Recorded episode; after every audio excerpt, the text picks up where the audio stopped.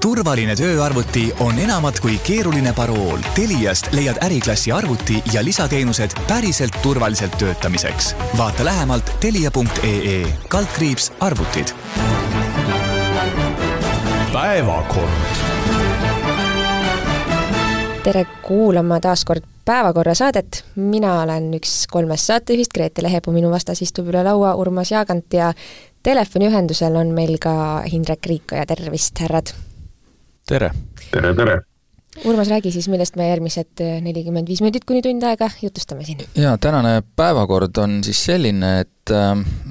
no, päästame valla abielu teema, mis tegelikult juba jookseb mööda linna hoolega ringi ja otsib, kust saab äh, leida neid, kes selle kohta midagi arvaksid, arvame siis siin meie ka ähm, Eesti kahesajast on äh, põhjust rääkida selle poolest, et äh, palju kõneainet on tekitanud äh, nõunike palkamine ja veel rohkem kõneainet on tekitanud ja tegelikult hulga olulisem on see, mis puudutab ühte nende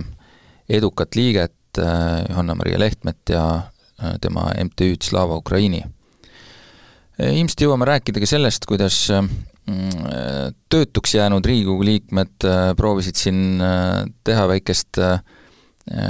kütuse kollektsioneerimist endale veel viimasel hetkel maksumaksja raha eest ja olid, õigemini üks neist oli väga nördinud, kui see tal loodetud mahus ei õnnestunud, ja jõuame ilmselt rääkida ka Tartu Ülikooli rektori valimisest, kelleks siis valiti Toomas Asser. Aga ma siis siit heade mõtete linnast äh, Tartust päästan selle abielu teema esimese asjana valla ja noh, tundub küll vägisi, et tegemist on äh, koalitsiooni nii-öelda kõige pakilisema ja kõige suurema murega, et mitte ainult kooseluseaduse rakendusaktid kehtima panna, vaid ka abieluvõrdsus maale tuua ja tegelikult on see koalitsiooni enda sees juba ka sellist väiksemat masti pingeid tekitanud, eelkõige Reformierakonnas on ka selliseid skeptilisemaid, skeptilisemaid hääli on ju välja toodud, et nende ministritest seitse ministri kohta neil on, lausa neli on sellised, kes abieluvõrdsust tegelikult ei, ei toeta, aga see surve Eesti kahesaja ja sotside poolt oli Reformierakonnale läbirääkimistel nii palju suur, et see pandi sisse. ma küll ise julgen, sina, Urmas, tavaliselt armastad öelda, et kas ennustame ka, et ma julgen selle ei oota seda sinu küsimust ära ja julgen teha ennustuse, et eh, kooseluseaduse rakendusaktid võetakse vastu, aga abieluvõrdsus jääb vähemasti esialgu venima, sest et seal noh, see on paratamatult asi, mis ühiskonnas tekitab, tekitab palju erimeelsusi, palju pingeid, kirikud on siin häälekalt sõna võtnud, EKRE Varro Vooglaiu sihtasutus ja kõik muud alles koguvad hoogu, et hakata sellel teemal kõvasti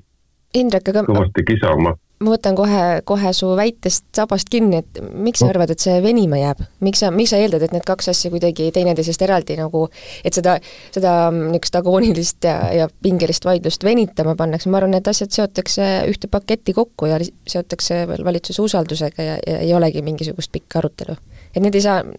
eraldi olla teineteisest või on sul teist vaata, äh, vaata praegu on ju, on ju välja öeldud, et äh, seda üritate või seda tahetakse teha kahe eelnõuga. et üks eelnõu on siis see nii-öelda tegelikult juba op-op-op, palju see siis tuleb, kas kümme aastat on juba täis kooseluseaduse vastuvõtmisest? Ähm, ei ole veel. kui rakendus, kui rakendusaktide eelnõu tehti, et seda siin tahetakse pisut ajakohastada, vahepeal on tulnud erinevaid kohtuotsuseid, siin-seal on seadusandluses nipet-näpet veel muutunud aga seda ei tehta sellepärast ära, et Riigikogus on seda, on seda keeruline läbi suruda, Reformierakond seda ise väga ei taha ja, ja ei taheta kohe ka nagu päris alguses äh, minna kohe nagu noh, sisuliselt nagu kõige esimese suure asjaga ei taheta kohe selle usaldushääletuse peale minna, sest et noh, teada on, et ega see usaldushääletus, seda on küll hea kasutada, aga ega selle kasutamine liigselt kellelegi ei meeldi. no, no ma ütleks selle koha peal, et, et, et, et tegelikult ma olen, ma ütleks niimoodi, et ennustuse osas ütlen nii, et mina arvan, et see tehakse ära mina arvan, et äh, ma olen selles mõttes natukene oponeeriks, et, et äh, minu arust on see just see koht, kus võib-olla oleks mõtet seda usaldushääletust kasutada. Äh, ja selle, selles mõttes mõtet poliitiliselt, et saab selle asja nagu kaelast ära. Ehm, siin tuleb nagu tähele panna seda ka, et ega Reformierakonnast, kui nii-öelda, kui sa peale vaatad, siis tõepoolest seal on mingi hulk vastaseid sellele äh, abieluvõrdsusele, nüüd aga seal on eraldi küsimus, miks ollakse selle vastu. et seal on mõned, mõned, need jagunevad mitmeks, mõned on need, kes on põhimõtteliselt selle asja sisu vastu äh, aga on ka neid, kes, kes selle sisu vastu ei ole, kes leiavad lihtsalt, et see ei ole hea aeg sellist asja teha. Äh, või et see mõjub nagu poliitiliselt, poliittehnoloogiliselt halvasti, kellel tegelikult nagu sisu osas ei ole mingit, mingit muret, et võiks olla, võiks mitte olla, noh, vahet pole sisuliselt. aga see poliittehnoloogiline probleem siis nende jaoks on see, et seda ei olnud justkui nagu arutusel, et, et valimiste eel oli juttu kooseluseaduse rakendusaktidest, mitte abieluvõrdsusest? jah, seal on, seal on hulk äh, saadikuid, kes leiavad, et, et see on võib-olla, läheb nagu selles mõttes liiga kaugele, et see tekitab seda nii-öelda ühiskonnas neid rebendeid, mis niikuinii tulevad, noh, tekitab liiga palju ja võib-olla ei ole seda lihtsalt nagu tarvis äh, sellest aspektist, mitte et see sisuliselt, mitte et nad ei näeks seda sisulist asja, et seal oleks võimalik midagi ära lahendada, et, et selles mõttes ta äh, jaguneb see niimoodi kaheks ja ma arvan, et äh, need, kellel nagu ei ole põhimõttelist vastuolu,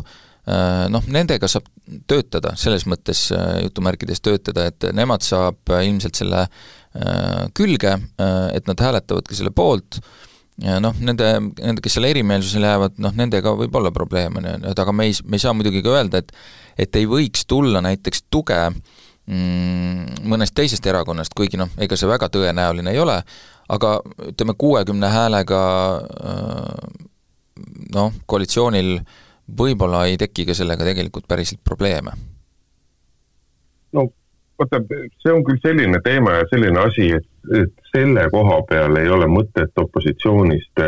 mingisugust tuge oodata, sest et selge on see, et et EKRE ja Isamaa on in corpore vastu sellele plaanile ja ma ei usu tõenäosus, et Keskerakonnast endast võiks tulla midagi.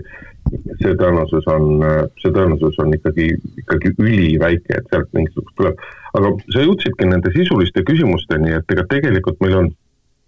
meil on ikkagi, meil on ühiskonnas no abieluvõrdsuse koha pealt selgelt on ühiskonnas läbi arutamata see, et mida, kuidas ühiskond seda, kuidas ta seda tunnetab, kuidas ta seda tajub, kas ta on sellega nõus ja, ja, ja see abieluvõrdsus koosneb ju väga erinevatest detailidest, et kui ma noh, nagu iseenda, iseenda seisukohta nagu mõtlen, mõtlen või kujundan, siis noh, küsimus ei ole ju selles, et, et, et kas mina mõistan samasoolist abielu või mitte, et, et noh, mina elan, elan koos naiste või olen abielus naisterahvaga ja minu arust on see nagu normaalne ja ainuvõimalik, aga ma aktsepteerin seda, et teised võivad teistmoodi arvata. aga üks asi, mis on, mis on muidugi ülioluline küsimus, seal on see lapsendamise küsimus. ja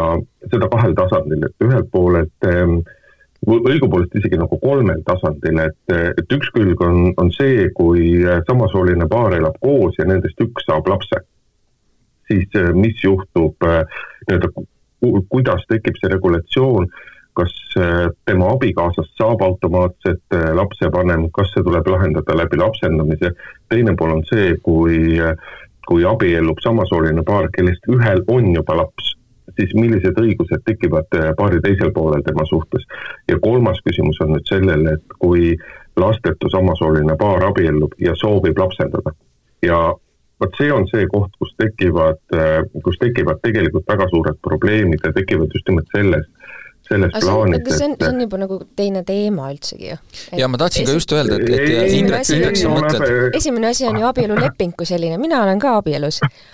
ma ei näinud sealt lepingust äh, riigiga, see on ju leping riigiga põhimõtteliselt või ütleme noh, et äh, see, see seadus, millele me nüüd siis vastame abikaasaga või mille ees meil ka kohustused tekivad, seal küll kirjas ei olnud, et ma pean nüüd otsustama, kas ma saan lapse, ei saa lapse, lapsendan, ei lapsenda, jään üldse lastetuks, et see ei ole ju teema praegu. ma saan aru, et see on nagu ole. loogiline järgmine vaidluskoht, on ju, aga ei, me peame ei, vaidlema asjad ju ära noh, etappide kaupa nii-öelda. ei, ei, ma ei ole sinuga, ma ei ole sinuga nõus, sest et kui me vaatame kas või nii-öelda seda, seda osa, mis praegu lapsi puudutab või mis puudutab abielu, siis praegusel hetkel on ju äh, praegusel hetkel kui me räägime abieluvõrdsusest, siis me räägime ikkagi sellest, et erisooliste paaride abielu ja samasooliste paaride abielu on üks ja seesama asi. näiteks kui me võtame selle, selle laste küsimuse, siis kui üks, kui kui meie sinuga, Grete, oleme abielus ja sina saad lapse, siis olen mina automaatselt selle lapse isa. kui me ei hakka kui ei sigine kuskilt ühte, kui ei sigine kuskilt Urmast, kes ütleb, et ei, see ei ole Hindreku laps, vaid hoopis mina sain Gretega lapse. ja kui mina annan allkirja, et mina olen nõus sellega, et see on Urmase laps. ja, ja see on automaatne protsess praegu pean guugeldama räägin... abi, abieluseadust, ma täi-, ma olen absoluutselt üllatunud niisuguses asjas. et, et see, see Indrek on ära ole üllatunud, usu mind, ma, ma räägin, ma räägin õigust seda. ja, ja, ja see tuleb, sest et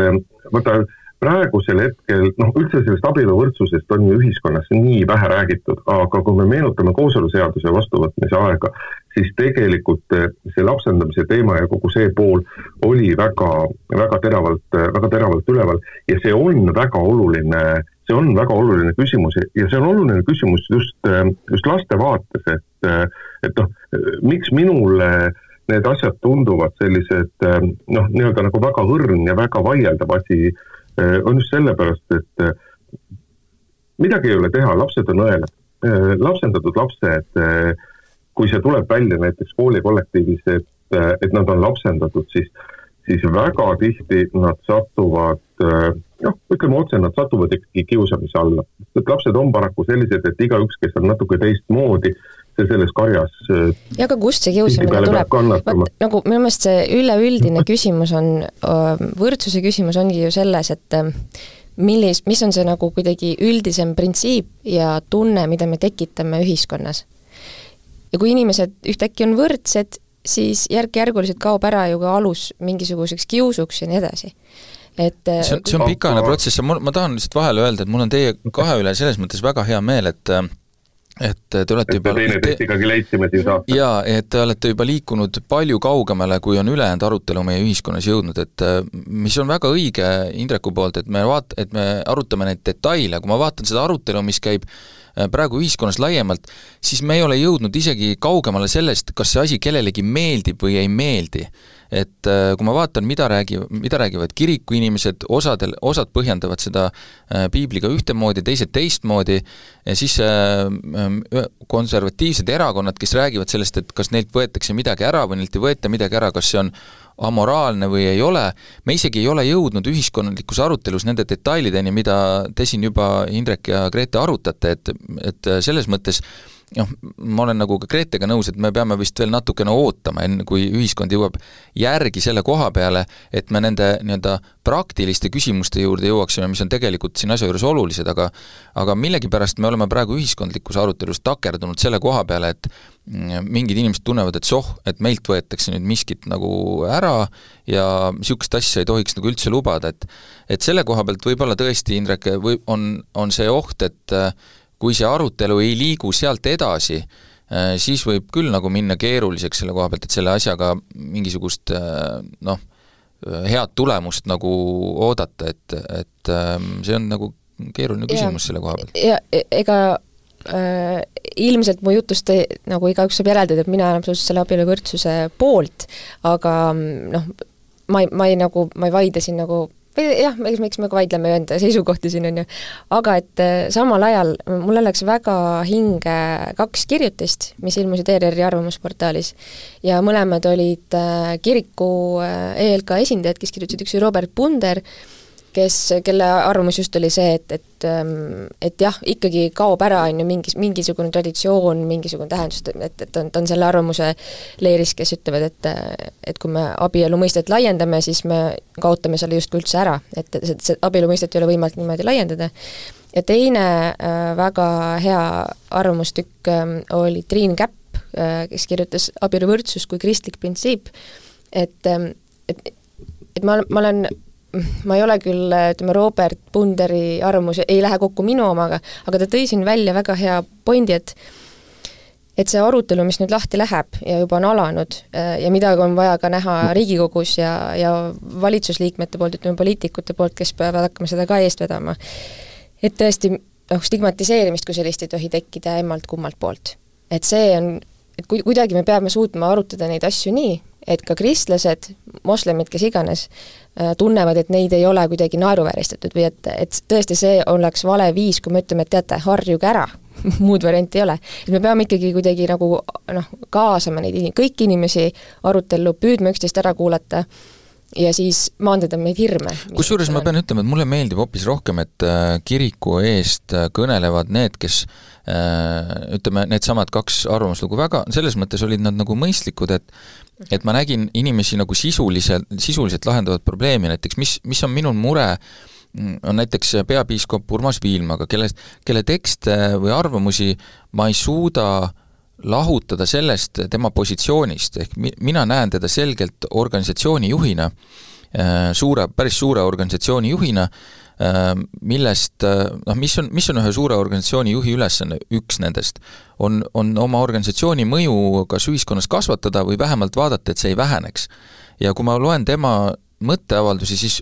ma ei tea, võib-olla see on minu viga, aga ma kuidagi loen sealt kogu aeg, ma tajun, kuidas ta võitleb mitte äh, nii-öelda piibli või põhimõtete eest, vaid ta võitleb oma organisatsiooni mõju eest ühiskonnas.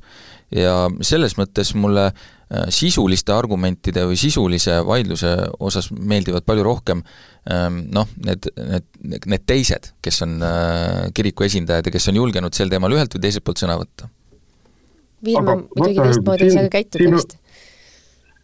vaata, siin on oluline ka silmas pidada, et kui me vaatame seda, kellena Viilma on viimasel ajal esin-, esinenud, siis sa väga õigesti juhid tähelepanu, ta esineb ühe organisatsiooni esindajana, aga ta ei esinda, esine mitte Luteri kiriku juhina, vaid ta esineb kirikute nõukogu juhina. et siin on kogu selles diskussioonis on nagu Viilma ja Luteri kirik on nagu saanud väga palju väga palju vastu päid ja jalgu nii-öelda osa ühiskonna poolt, et et pagana tagurlased ja, ja istuvad kinni oma mingites tõdemustes ja nii edasi, aga kirikute nõukogu esitaja, esindab ja koondab kõiki ristiusu kirikuid. Luteri kirik moodustab sellest napilt poole, aga kui me lähme, lähme või vähem kui poole, sest et tegelikult noh, laias laastus Luteri kirik on võrdne õigeusu kirikuga, mis küll jaguneb omavahel Eesti ja Vene õigeusu kirikuks, aga meil on veel ka katoliiklased pluss kõik väiksemad väiksemad ühendused ja noh, näiteks õigeusu või katoliku kirikus, mis, mis summaarsena on tunduvalt suurem kui luteri kirik, no seal ei ole ju üldse mõtet, seal ei, seal ei ole isegi võimalik, et tekiks sellinegi diskussioon, nagu see luteri kirikus tänasel hetkel toimub, kus ikkagi on väga selgelt ka luteri kirikus on oma nagu väga konservatiivne tiib ja on oma ka nii-öelda liberaalsed inimesed, kes räägivad, räägivad sellest, et, et ka abieluvõrdsus on kristlik, kristlik nähe, aga aga, aga me jõudsime selle jutuga väga õigesti, ma kohe Grete lõpetan mm, -hmm. me jõudsime selles mõttes nagu õigesse,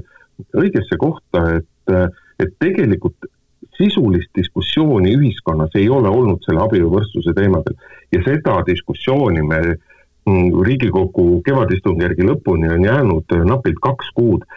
selle ajaga ei ole võimalik seda diskussiooni tekitada ja kui seda diskussiooni ei tule, siis tuleb nii-öelda ühiskondlik lõhestumine äh, kui teha nüüd jõuga see abieluvõrdsuse teema ära ja, ja sellest ei võida mitte keegi, see tegelikult nende nende samasooliste paaride ja, ja mingil hetkel nende lapsendatud laste ja kõige olukorda tegelikult muutub,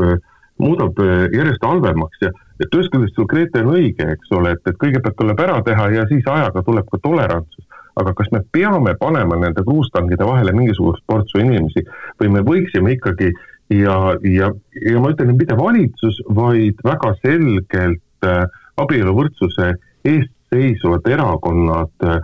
Kas nad ei võiks keskenduda sellele, et tegeleme selle teemaga ühiskonnas? Äh,, see ei võta üle mõistuse kaua aega no,, kui nii-öelda selle ühiskonna suhtumist muuta. kahe kuu. muidugi ei saa ära räägida, loomulikult ei saa ühiskond. võtame tõsiselt ja räägime ära. ei, no, no ei saa, see, see, see on absurd ja üks asi, et ei noh, et vaata, ega ärarääkimine ei ole see, et kõik pooled saavad oma nagu seisukohad välja öelda, see, see ei tähenda ärarääkimist. mu küsimus tekibki, et kas sa ootad midagi... mingisugust konsensuse tekkimist, siis sinna lähebki aastaid ja sa, ja see konsensus või sel-, see tolerantsus, nagu sa mainisid, selle järgi ei ole mõtet oodata, et enne peab käima ma, nagu mingisugune nõks ära ühiskonnas. ei, ei, ma ei, ma ei ole sinuga absoluutselt nõus. tegelikult oleme siiski ausad, see, mis juhtus kooseluseadusega, kooseluseadusega juhtunu pärast ei ole põhjust otsa vaadata EKRE-le ega Varro Vooglaiule. selles, et kooseluseadusega läks nii, nagu temaga läks, on süüdi sotsid, on süüdi Reformierakond, on süüdi teised, kes läksid omal ajal teadlikult tegema poolikut seadust, teadlikult tegema seadust, mille, millest ei olnud kasu, juba toona oleks võinud pigem tegeleda sellega, et, et, et, et suurendame seda ühiskonna nii-öelda nagu valmisolekut abieluvõrdsusega ei juhtu mitte midagi, kui seda teha kahe aasta pärast, mitte midagi ei juhtu aga kahe aastaga kahe aasta pärast ei saa seda teha väga..., kahe aasta Miks? pärast ei saa seda teha, sest valimised on liiga lähedal, esiteks on kohalikud valimised, teiseks tulevad juba parlamendivalimised nii lähedal, et ükski erakond ei taha seda puudutada. Reformierakond, kus on väga palju neid inimesi, no mitte väga palju, aga kus on ikkagi tuntav tiib neid inimesi, kes ei ole abieluvõrdsuse poolt ja selle seaduse kehtestamise poolt, nende, neil on oma valijatega väga keeruline suhelda seal valdkonnas. aga kas me peame peame mõtlema kohe, Urmas, kas me peame mõtlema sellele, et poliitikutel oleks lihtsam või me peaksime ei, ma räägin sellele, seda, kuidas loogilised asjad lähevad. ei, ei no jaa, aga meil ju, meil ju valid, aga meil ju valitsus on täis ju riigimehi, ega nemad teevad teadlikult oh. ebapopulaarseid otsuseid, aga sellepärast, et nad on nii suured riigimehed ja nad valutavad oma südant riigi pärast. Nad ei mõtle selle juures iseenda poliitilisele tulevikule, reitingutele, asjadele. Nad mõtlevad ainult sellele, kuidas riigil oleks hästi ja ma tahtsin, ma tahtsin nii palju veel öelda siia juurde, et ma, ma sel-, siin, mida võib-olla väga tihti ei juhtu, aga ma olen Indrekuga nõus äh, selle koha pealt, et et äh, kui, kui sa, Grete, ütled, et jah, et no ma olen ikka vaadanud, et niisugune nutika silmavaatega inimene no,, eks ole. et, äh, et kui Grete, sa ütled, et põhimõtteliselt ikkagi seda argumenti, et harju, et te peate lihtsalt ühel hetkel ära harjuma, et et ma arvan, et see on tegelikult natukene tõesti ohtlik, et ütleme, me nägime ühte perioodi, kus äh, näiteks EKRE oli võimul, kes ütles päris paljude asjade kohta neile, kellele see ei meeldi, harjuge ära, nii hakkabki nüüd olema. meile see ei meeldinud väga. ei, ma, aga ma ei ole selle poolt. ma ei, ma ütlengi, et seda, niisugust asja et, ei tohi tekkida, niisugust patroniseerivat jah, nagu aga, aga selle, selles mõttes olen ma, siit, siit ka järeldub, et me ei saa tegelikult seda diskussiooni nii lühikese ajaga nagu ära pidada, et muidugi ei saa, saavutasime mingit konsensust ühiskonnas iialgi, aga, aga et oleks need argumendid öeldud ja nagu välja öeldud ja kõik oleks teada, me oleme nendest asjadest nagu rääkinud, et et mitte, et teeme ära ja siis pärast natuke arutame, siis küll te harjute ja siis me nagu rõõmsalt kappame edasi, et et selles mõttes ma olen nõus, et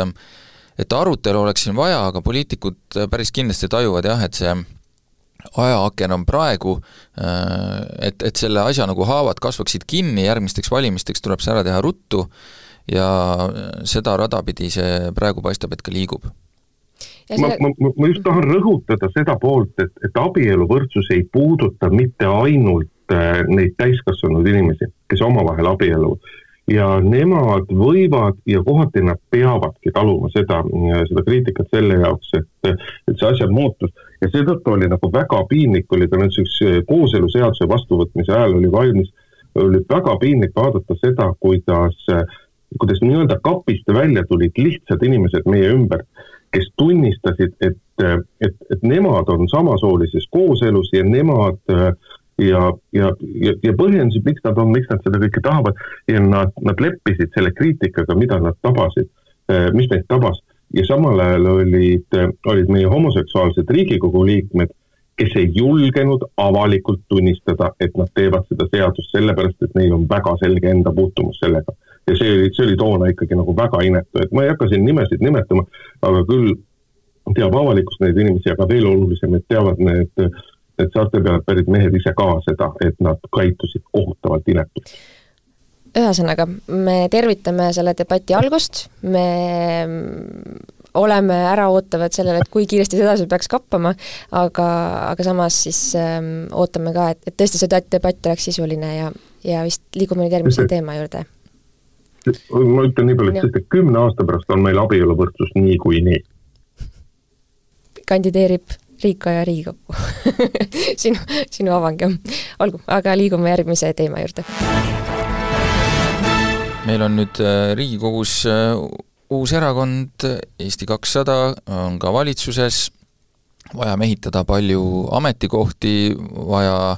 seletada palju asju, mis puudutab nende liikmeid, Äh, kes on kuhugi saanud, sest et mõistetavalt valgustatakse inimesi äh, päris hoolega läbi, ja mis me teada oleme saanud, oleme saanud teada, et Eesti kakssada äh,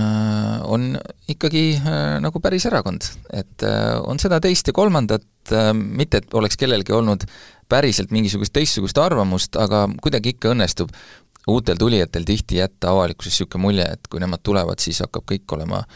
teistmoodi, teistpidi ja hoopis aga ikkagi inimestest koosneb see partei, jah? koosneb inimestest, millest me siis alustame, alustame võib-olla minu, minu jaoks väiksemast teemast, ehk siis äh, ministri nõunik äh,, kus siis äh, ametisse võeti äh, keskkooli lõpetamise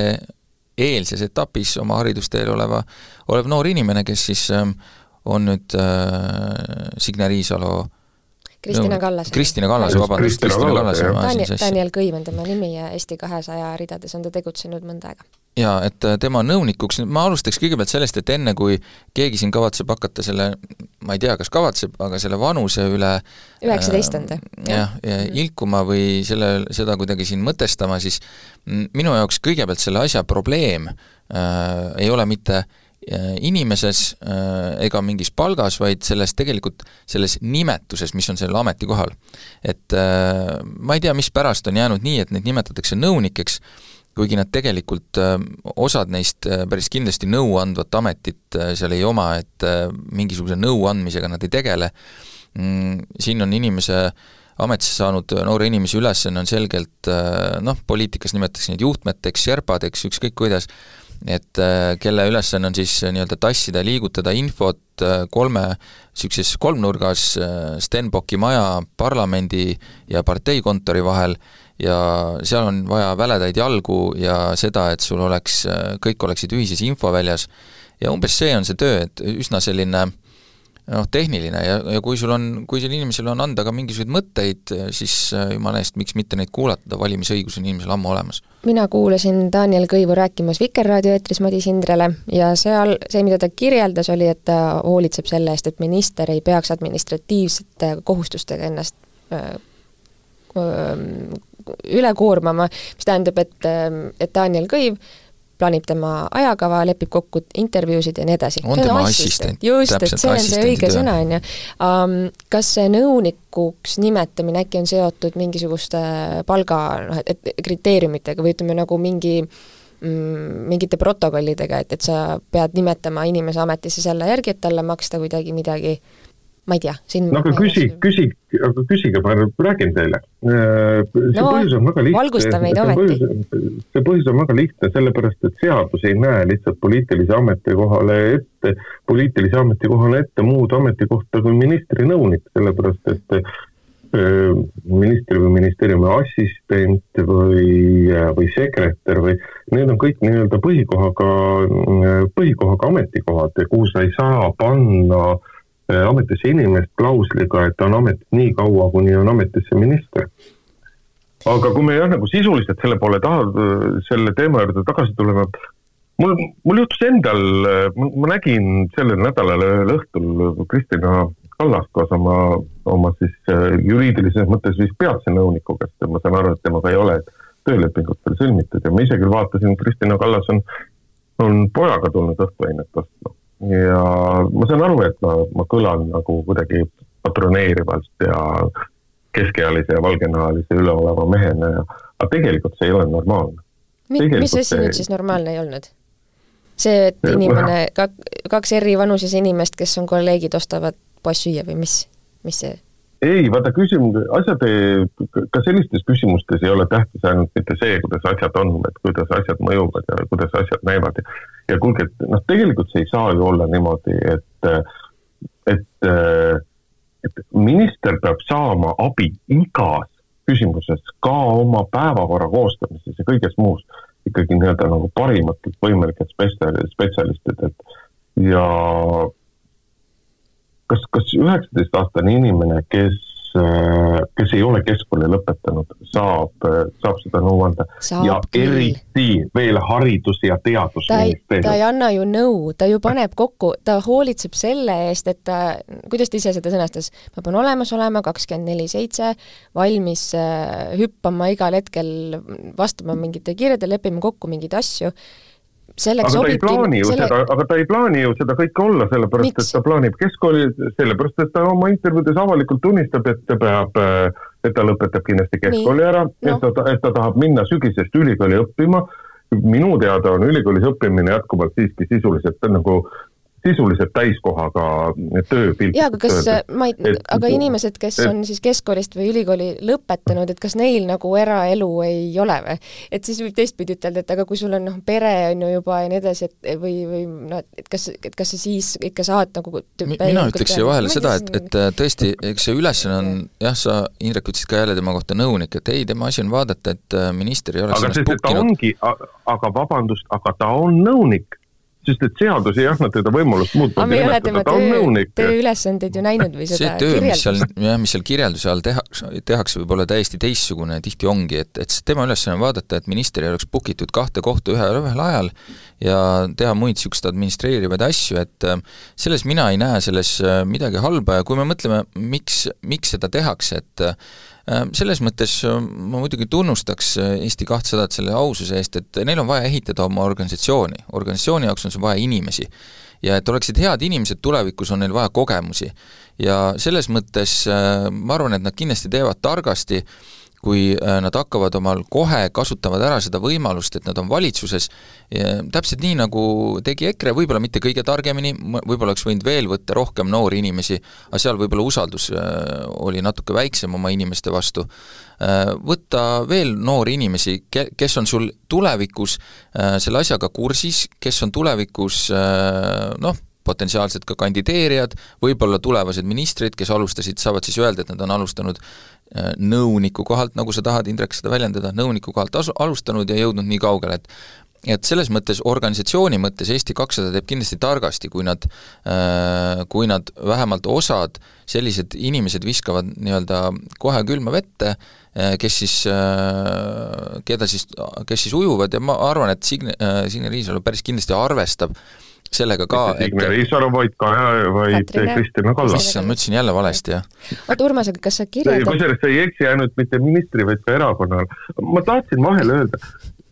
praegusel hetkel suurem osa näiteks meediajuhtidest, kellel käi-, kelle juures käivad iga suvi, käivad tudengid praktikal, üritab reeglina lähtuda põhimõttest, et me ei võta endale põhikohaga tööle noort inimest, kellel on kool lõpetamata, loomulikult seal on erandeid ja, ja vahel seda ka tehakse, aga üldiselt seda püütakse mitte, mitte teha ja püütakse, püütakse teha just nimelt sellepärast, et ühest küljest on kõrgharidust vaja noorele inimesele endale, aga teisest küljest tööandjana, kui sa lased sellel inimesel ülikooli ilusti ära lõpetada, sa saad endale parema töötaja. ja minu arust haridus-teadusminister võiks ka päris kindlasti lähtuda sellest, lähtuda sellest loogikast, et las inimene las inimene kõigepealt saab selle kõrg, kõrghariduse kätte ja tal on pärast hulka lihtsam oma tööd teha, sest et ega meedia, paljud meediajuhid on selle tõdemuseni jõudnud ka,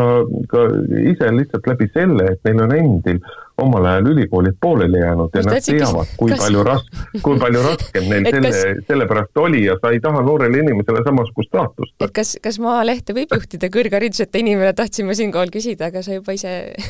viitasid. aga lähme, aga läheks ühe teise teema juurde, mis puudutab ka Eesti kahtesadat, et äh, jätkame selle äh, selle asjaga, nüüd äh, see MTÜ äh, Slava Ukraini, mida siis äh, veab Eestis Johanna-Maria Lehtme, kes tegi Eesti kahesajas ikkagi väga võimsa valimistulemuse, on saanud üsna lühikese aja jooksul väga suure tunnustuse, kindlasti ka väga olulise töö eest, mis ta on teinud. Mm, see asi, mis selle Slava Ukrainiga on, ähm,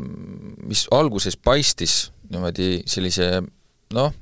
sellise mingi juriidilise värgina, kus midagi justkui anti mõista, et midagi justkui on nagu valesti, et seal on vaja natukene revisjoni, kergelt on seal vaja kõblata ja vaadata, et see asi joon, joone peale saada, selgub ikkagi, et seal on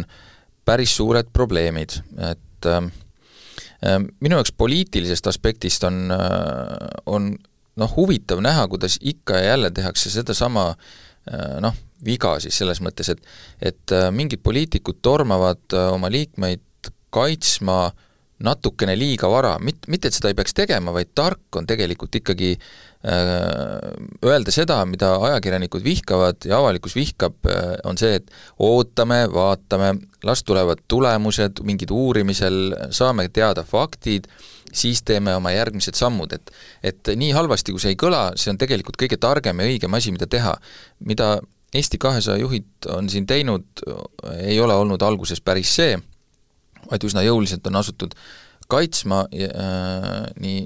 Johanna-Maria Lehtmet kui ka seda nii-öelda tööd, mis nad teevad, kuni selleni välja, et on süüdistatud siin nagu pahatahtlikkuses nii konkurente, ajakirjandust,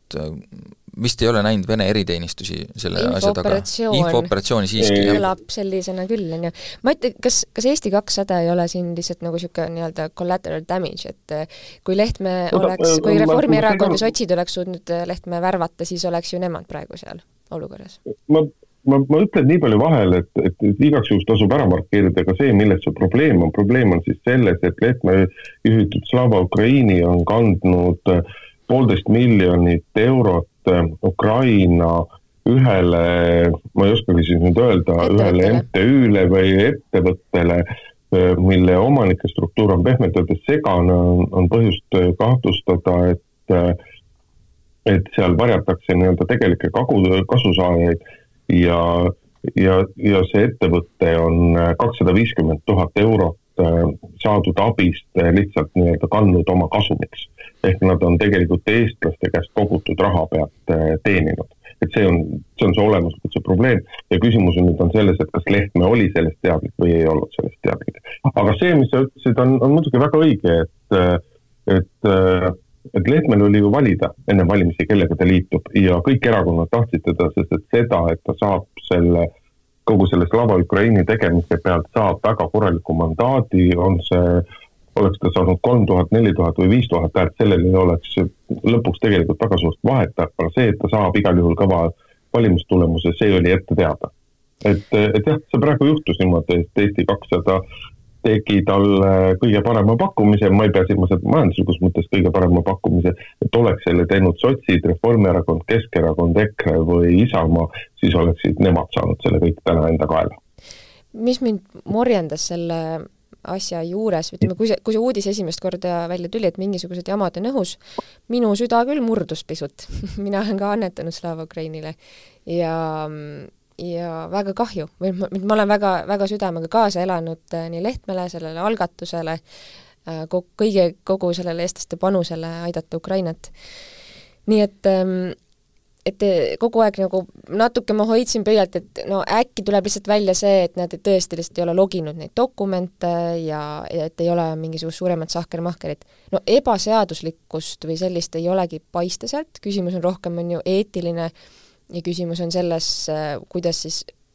üks asi, et kuidas Ukrainas asju on aetud, miks eestlased, kes seda asja suunavad ja meie rahasid on sinna saatnud, ei ole seal kuidagi äh, paremini kogu asja korraldanud või vähemalt nõudnud vastuseid juba eos, ja teine pool on siis see, kuidas seda skandaali siin on lahatud. ja vot see tegi mind, ja siis ma pettusin nagu teist korda, äh, sest et ähm, loomulikult on paha, kui tulevad ajakirjanikud, äh, kes ähm, kahtle-, mõned kindlasti tulevad mingisuguse suhtumisega või isegi võib-olla noh, väga agressiivselt küsima, äh, aga kes iganes te satute niisugusesse olukorda, kõige halvem, mida te saate teha, on ise vastu rünnata pigem laske kõrvad lottu lodusse ja, ja või ütleme, laske mööda endast, ärge laske nendest emotsioonidest välja paista. kõige hullem, mis saab, on see, et mis, mis pagana infooperatsioon meie vastu on toimunud või selline, ütleme, see tõrksus, see on sõnum omaette ja, ja see tekitab täiesti noh, uue tasandi ebausaldusväärsust. ja siin muidugi peab arvestama selle asjaga ka, et, et selle, selle asja küsimus on ju see, et kas see nii-öelda eestlaste annetatud raha on läinud selleks, milleks seda on nagu küsitud, eks, et et palun annetage, me aitame Ukraina inimesi Ukraina võitlejaid, ehm, millega peab alati arvestama, millega inimesed, mulle tundub, väga tihti ei oska arvestada, on see, et et mm, vabatahtlik töö ei tähenda alati seda, et seal ei ole kulusid, või mida, et see oleks tasuta. või et, et see oleks tasuta, et kui kui on suur vabatahtlik organisatsioon, siis äh, kahtlemata on sinna vaja inimesi, kes kõik ei saa tulla sinna tegema heategevust, et mõnedel inimestel tuleb maksta palka, ähm, mingil määral tuleb kindlasti ettevõttel ka midagi teenida, et maksta kinni mingeid muid kulusid, bürood ei anna keegi neile tasuta, mingid kütus maksab, äh, mingisugused kommunaalkulud et tahes-tahtmata mingisugune osa sellest annetatud rahast äh, kulub kuhugi, äh, sest et need inimesed peavad ju millestki elama. Äh, kas või seesama juht, minu arust, kas ma mäletan õigesti, et ka Lehtme palgast on mm -hmm. olnud siin mingil hetkel juttu, et no inimene peab issand millestki elama, et ja kui suur vastutus tal tegelikult on, et selle võrra võiks ta palka suurem täpselt, et, et äh, mingi palk peab olema, et kui, kui sellel organisatsioonil ei ole mingit muud sissetulekut kui eks ole, annetused, siis noh, mina sellepärast nagu ei muretse, et osa annetatud rahast läheb ka selle organisatsiooni ülalpidamiseks, nüüd küsimus on, kui palju. Äh, ja kas näiteks, kui tõesti see ettevõte seal Ukrainas on saanud äh, veerand miljonit, eks ole, kasumit, kas see on äh, see kulu, mis on vajalik selleks, et ma ei tea, hoida seal mingeid asju käimas, et mis ei olnud nii-öelda nagu ära kasutatud et...? nüüd sa lähed rappa,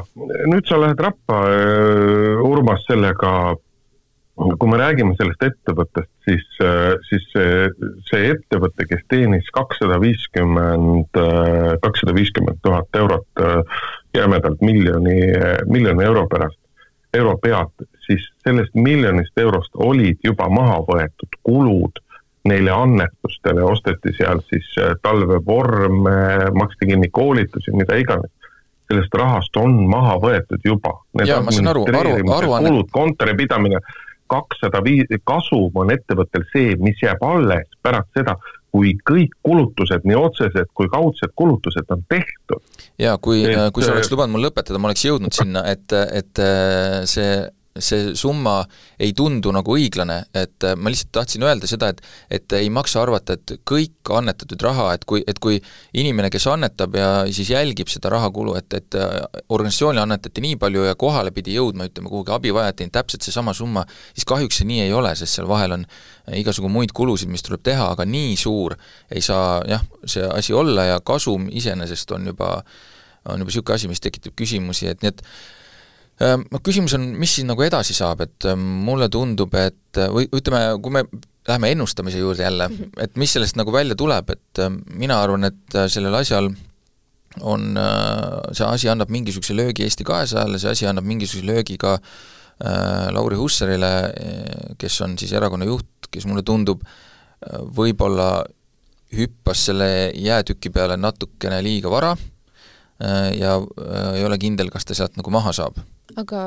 Riigikogu spiikrina, kas ta võt-, kas sa eeldad talt mingisugust poliitilise vastutuse võtmist? ei, ma lihtsalt arvan, et, et see lihtsalt plekk, plekk uue jah, täpselt mm. -hmm. ja päris niisugune kole Lauri Hussari, Lauri Hussari puhul on kõige rohkem kahju sellest, et kui me vaatame sellest, kuidas Lauri Hussar on äh, on reageerinud praegu sellele asjale ja kuidas oleks Lauri Hussar sellisele küsimusele reageerinud viis aastat tagasi, kui ta oli Postimehe peatoimetaja, siis need reageerimised oleksid diametraalselt erinevad. aga ametid on ka erinevad ju. kohe, jah, aga vaata, inimese nagu põhimõtted ja seisukohad ei tohiks ikkagi muutuda, et, et ideaalis siiski, kui inimene läheb, inimene tuleb kuskilt muust eluvaldkonnast ja läheb poliitikasse, siis ta ei tohiks muutuda äh, peast poliitikuks. minu arust selle, kogu selle juhtumi kõige suurem mõju on see, et kannatama, kannatavad kõik, kes tegelevad Ukraina abistamisega meil on ju, meil on ju kümneid erinevaid organisatsioone, ühendusi ja asju, kes erineval, erineval moel Ukrainat toetavad, inimeste käest koguvad nii raha kui asju, kõik nad kannatavad ja see on nagu, see on, see on kõige suurem mure ja see on kõige suurem probleem. Ja see on tegelikult kõige suurem vastutus ja see on kõige suurem sigadus kokkuvõtteks ma ütleks, et see on ka kõige suurem võimalus äh, ühiskonnal õppida ja saada paremaks, ehk siis kõik heategevusorganisatsioonid praegu vaatavad oma Exceleid üles, üle ja mõtlevad, mismoodi nemad hakkavad aruandlust tegema, kui neil, nende poole pöördutakse ja ma loodan, et nad ma saaks valmis. mul, mulle selline põhjendus üldse ei meeldi, sellepärast et me ei ole, me ei ela üheksakümnendate keskpaigas, me oleme olnud taasiseseisvunud kolmkümmend aastat sellised asjad peaksid ammu tehtud olema ja sellised põhimõtted peaksid olema ammu juurutatud. ja, ja, ja minu arust on see väga halb, kui nüüd selle, selle taustal hakatakse tegema oma raamatupidamisi paremini korda ja need, kõik sellised asjad võiksid ammu tehtud olla. teeme teemas ka kannapöörde. Indrek, kui sa enne ütlesid, et üheksakümnendatesse mingisugune noh, eluviis või teguviisid peaksid jääma, kas viimasel tööpäeval riigi raha eest kütuse tankimine oma autopaaki, mida sa hakkad, autod, mida sa hakkad nüüd kasutama eraelu asjadeks, kas see peaks ka olema jäänud üheksakümnendatesse või võime me ikkagi anda Urmas Reitelmannile noh, andeks ja ütleme, et pole hullu, võta see, võta see kakssada liitrit kütust äh, selle hea töö eest, mis sa teinud oled, et oled ära teeninud küll? kõige nõmedam kõige selle asja juures on see, et, äh, et, äh, et, mitte ainult Urmas Reitelmann, vaid ka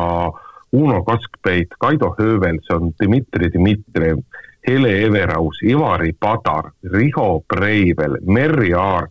Kalvi Kõva, Marek Jürgenson, Sulev Kannimäe, Kannimäe, Erki Savisaar, Igor Kravtšenko, Marko Šorin, Viktor Vassiljev, Toomas Jürgenstein, Viktor Vassiljevit palun mitte segamini ajada muusiku, vaid peame poliitikut silmas, Taavi Aas, Toomas Jäädoja, Indrek Saar, Peeter Ernits, Siret Kotka, Marika Tuus-Laul, Paul Puustusmaa, Heiki Hepner, Jüri Jaanson, Natalja Malleus, Raivo Tamm, Marko Torm, Jaak Juske ja Iivi Eenmaa ehk kolmandik, kolmandik eelmisest parlamendi koosseisust on sulid ja teevad asju, mida ei tohiks teha, aga nad saavad selle andeks. suli all sa pead nüüd silmas täpselt mida? sõna jah, võib-olla. ei, suli on, minu teada suli ei ole seadusandluses ei ole minu arust suli kuidagi nagu defineeritud, minu arust on, on suli väga hea sõna. suli käib inimese kohta, kes teeb asju, mida ei peaks tegema, aga mida, mille eest teda karistada otseselt ei saa. mina kasutan sulile praegu siin sellist tõlgendust. ja, ja terve see pikk rida inimesi siis on teinud täpsemalt siis mida, et äh, viimase päeva kütuse tankimised? just, need on viima-, need on inimesed, kes eelviimasel ja viimasel oma ametisoleku päeval ehk siis kolmekümnendal ja kolmekümne esimesel märtsil käisid, käisid äh, olukorras, kus neil ei olnud enam sisuliselt Riigikogu liikmetena mitte mingisuguseid tööülesandeid.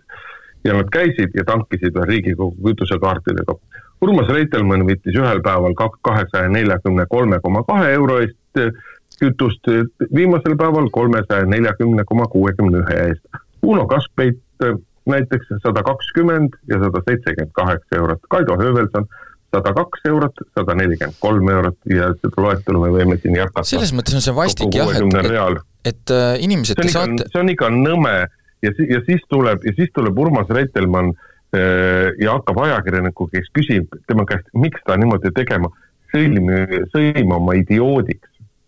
see muidugi ei olnud et üllatus on..., ütleme nii, see pigem minul tekitas tunde, et noh, arvata oligi, et selline reaktsioon tuleb. sest et no minu arust on nagu kõige koledam see, et ega see Riigikogu liikme nagu palk ei ole nüüd enam äh, nii väike, et see on päris hooga tõusnud ja äh, ütleme, kui tõesti mõelda, et ah oh,, sada eurot, mingi paagitäis kütust ja nagu äh,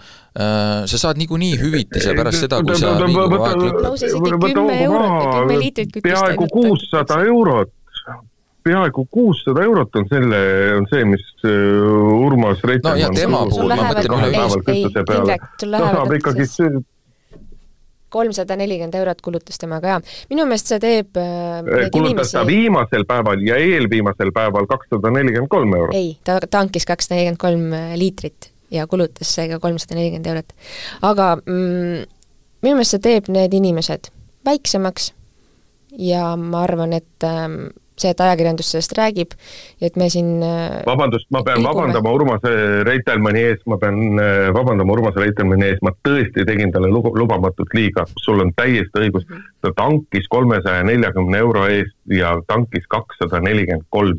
äh, liitrit kütust, tõesti minu viga, tuhat vabandust Urmas Reitelmanni ees, et ma talle niimoodi liiga tegin, mulle tuleb meelde see üks hiljutine kohtuotsus, kus vist head kolleegid Postimehest äh, said, äh, kaotasid kohtust sellepärast, et nad ühte neljakordset vägistajat nimetasid viiekordseks vägistajaks ja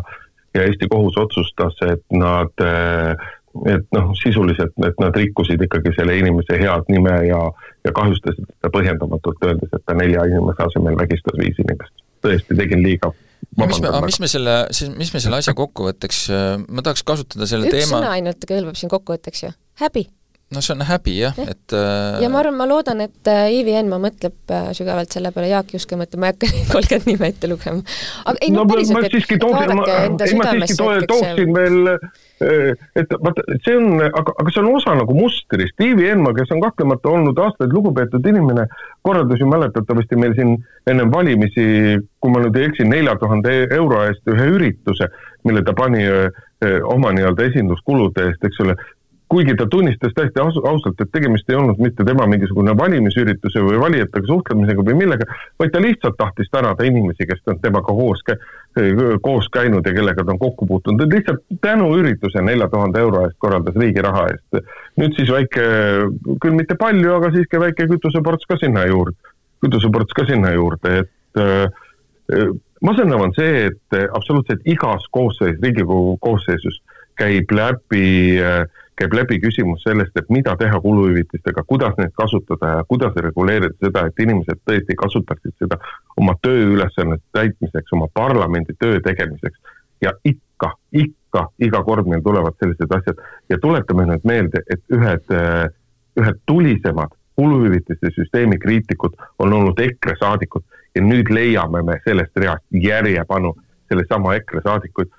ma kahjuks ei jõudnud seda teha, aga ma olen ma olen nõus kihla vedama, et kui me vaatame selles nimekirjas olevaid EKRE saadikuid ja me guugeldame vanu stenogrammi, siis me nendest samade saadikute suust leiame kriitilisi, kriitilisi äh, ütlemisi selle kohta, et küll Stalnuhhin on nõme, kes teadupoolest ju juhilube ei oma, aga kogu aeg on autot liisinud ja küll kõik teised ja küll see kõik on paha ja küll, ja küll EKRE on nüüd, EKRE saadikud on ainsad ausad. Ja nüüd nad lähevad, ja nüüd nad lähevad niimoodi lihtsalt äh, viimas, viimastel äh, tööpäevadel oma, oma, oma kütusepaake ja kanistreid täitma selle jaoks, et nad saaksid pärast tasuta sõita. ei, ei maksa unustada, et Riigikogu liikmed saavad veel mõnda aega, kui nad edasi järgmisse kohta tööle ei lähe, saavad ju mõnda aega prisket hüvitist edasi ka veel, et ega nad ei ole sugugi ju mitte paljud kui püksinööp nüüd sellepärast, et nad uues Riigikogu koosseisus ei ole. jah, mina ei, ei jaksa enam korrata seda, et äh, mida ma olen äh, kõikides erinevates kohtades, kus mulle mikrofon on ette pandud ja ma olen saanud sel teemal rääkida, olen öelnud, et Riigikogus peaks olema täpselt sama süsteem, mis on valitsuses, kus sul on lihtsalt äh, palk on, palga sees on mingi protsent, nii palju, kui sellest ära kulutad, nii palju läheb nii-öelda jooksvateks kuludeks, see, mis, see, mida sa ära ei kuluta, jääb sulle alles ja inimese enda vaadata on, et kui ta tahab, et tal rohkem raha kätte jääks, ta lihtsalt kulutab vähem. ma ei ole sinuga üldse nõus, iga, igas era, igas eraettevõttes on sul, on sul nii-öelda, see on, see on väga selge raamatupidamine, tööga seotud kulud, mitte tööga seotud kulud, need on erinevalt maksustatud, ei ole mitte mingisugust põhjust, miks Riigikogu liiget ja miks tegelikult ka valitsuse liiget peaks kohtlema teistmoodi, kui koheldakse suvalist eraettevõtjat ja selle töötajat, mitte mingisugust põhjust ei ole. vastupidi kõik kulutused, mis tehakse, ülempiir tuleb ette määrata, kõik peab olema dokumentaalselt tõestatud ja kui see ikkagi ei ole, kui see ei lähe, siis makstakse selle pealt erisoodustusmaksu ja asi, asi muid, ei ole vaja mingisugust nii-öelda automaatset palgalisa. Teeme viimase teema ka, äh, mis võib-olla tegelikult Eesti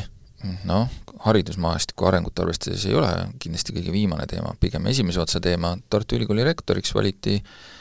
Toomas Asser oli, oli debatt, olid konkurendid, tulemus on selline, no mis me oskame selle kohta öelda, et ega kõrghariduses muud suuremat muret kui raha vist ei, vist ei ole ja sellest, sellest peamiselt oli kantud ka kogu see debati osa. Seda on justkui ette, jah, ette heidetud, et debatis räägiti palju rahast, räägiti peamiselt rahast, aga tegelikult ju täpselt see nii on, et see, mida ülikoolid ja ülikoolide juhid on teinud siin viimaste viimaste aastate jooksul, kuidas nad on pidanud oma eelarvetega hakkama saama, kogu arutlus selle üle, et kui palju meil teadusarengusse äh, riigi poolt raha suunatakse ja kõik see, noh, suur osa küsimustest äh, taandub siiski raha taha, et me oleme, elame jätkuvalt olukorras, kus meie äh, kus meie õppejõudude, õppejõudude palgad on väga nadid ja ülikoolis, ülikoolid on reaalselt silmitsi sellega probleemiga, et neil kas töötavad, noh, ütleme, neil on väga keeruline leida, eks ole, väga tugevaid väga häid spetsialiste, sellepärast et sul võib olla lõputult missioonitunnet, aga kui sul ikkagi nii-öelda erasektor pakub sulle kohati kordades kõrgemat palka, kui sa ülikooli õppejõuna saada võiksid, siis siis noh, mingisugusel hetkel ikkagi võidab, võidab suitsuvorst ja sink ikkagi paratamatult selle missioonitunde ära. Ja noh, teine küsimus on ikkagi see, et, et kes meil tulevad doktorantuuri, mis keeles doktorantuuris õpetatakse, kõik need on olulised küsimused ja need on olulised küsimused just seetõttu, et sellest, kui head kõrgharidust meie ülikoolid, mitte ainult Tartu Ülikool, vaid meie ülikoolid annavad, sellest sõltub see, kui nutikas meie majandus olla saab. Jah, sellega ma olen täiesti nõus, et meil see rahastamise küsimus on olnud äh, pikka aega see nagu fookus äh,, noh, ma näen seda siin püüet-, püütakse pöörata osa sellest äh, kõrgharidust puudutavat debatti ka sinna suunda, et mis keeles meil seda haridust andma peaks äh,, noh, mina ei tea, kas see on nii tähtis, äh, võib-olla ei, muidugi on tähtis, loomulikult on tähtis, aga noh, me ei tohi seda, me ei tohi seda demoniseerida, et, et seda tasakaalupunkti on vaja ja ma ei ole nüüd kindel, et Eesti ülikoolid ei ole selle, on sellest tasakaalupunktist nagu väga kaugel või, või, või väga valele poole kreeninud. no just, mulle tundub ka, et ei ole, et ähm, aga jah, et, et uued, noh, siin valitsust, igat valitsus lubab sinna kõrghariduse äh, teadusesse raha juurde, noh nüüd mingi kokkulepe on ka olemas, eks näis, kuidas selle täitmisega läheb, aga äh, tervikuna tõesti mulle tundub, et me meil, meil on nagu läinud aastatel nagu need asjad paremaks, aga äh, see nii-öelda lõtk, mis on sisse tekkinud siin vahepealsete aastatega, ma ei tea, kuidas seda ära tasandatakse, et, et oleksid kvaliteetsed õppejõud et see nii-öelda haridus püsiks kaasas selle ajaga, mida nagu päriselt äh, tööturul nagu vaja on. Aga, aga need on sellised üldised küsimused, ma ei tea, kas me korraks peaksime peatuma ka sellel teemal, et et kas Asser oli valit-, kolmest valikust nagu kõige parem kandidaat või mitte, aga ma usun, et siinkohal tuleb lihtsalt äh, ülikooli rahvast ja tõesti ju rektorit valib ülikooli rahvas, mitte erinevalt mõnest teisest kõrgkoolist, kus rektorit valib äh, nappide liikmete arvuga mingisugune nõukogu või kuidas seda iganes täpselt äh, nimetatakse, et siin Tartu Ülikoolis rahvas valib ja, ja, ja järelikult ülikooli inimeste hinnangul on Asser omal esimesel ametiajal hästi hakkama saanud ja mis me neid ikka õpetama lähme veel, lähme neile ütleme, et tegite rumala valiku. ja soovime uuele rektorile jõudu, soovime ka meie kuulajatele head päeva, äh, päevakorrasaade seekorraks lõpetab, äh, Urmas Jaagant, Indrek Riiko ja ja Grete Lehepuu tänavad, äh, järgmine nädal jälle NI üks null JH turvaline tööarvuti on enamat kui keeruline parool. Teliast leiad äriklassi arvuti ja lisateenused päriselt turvaliselt töötamiseks. vaata lähemalt telia.ee kaldkriips arvutid. päevakord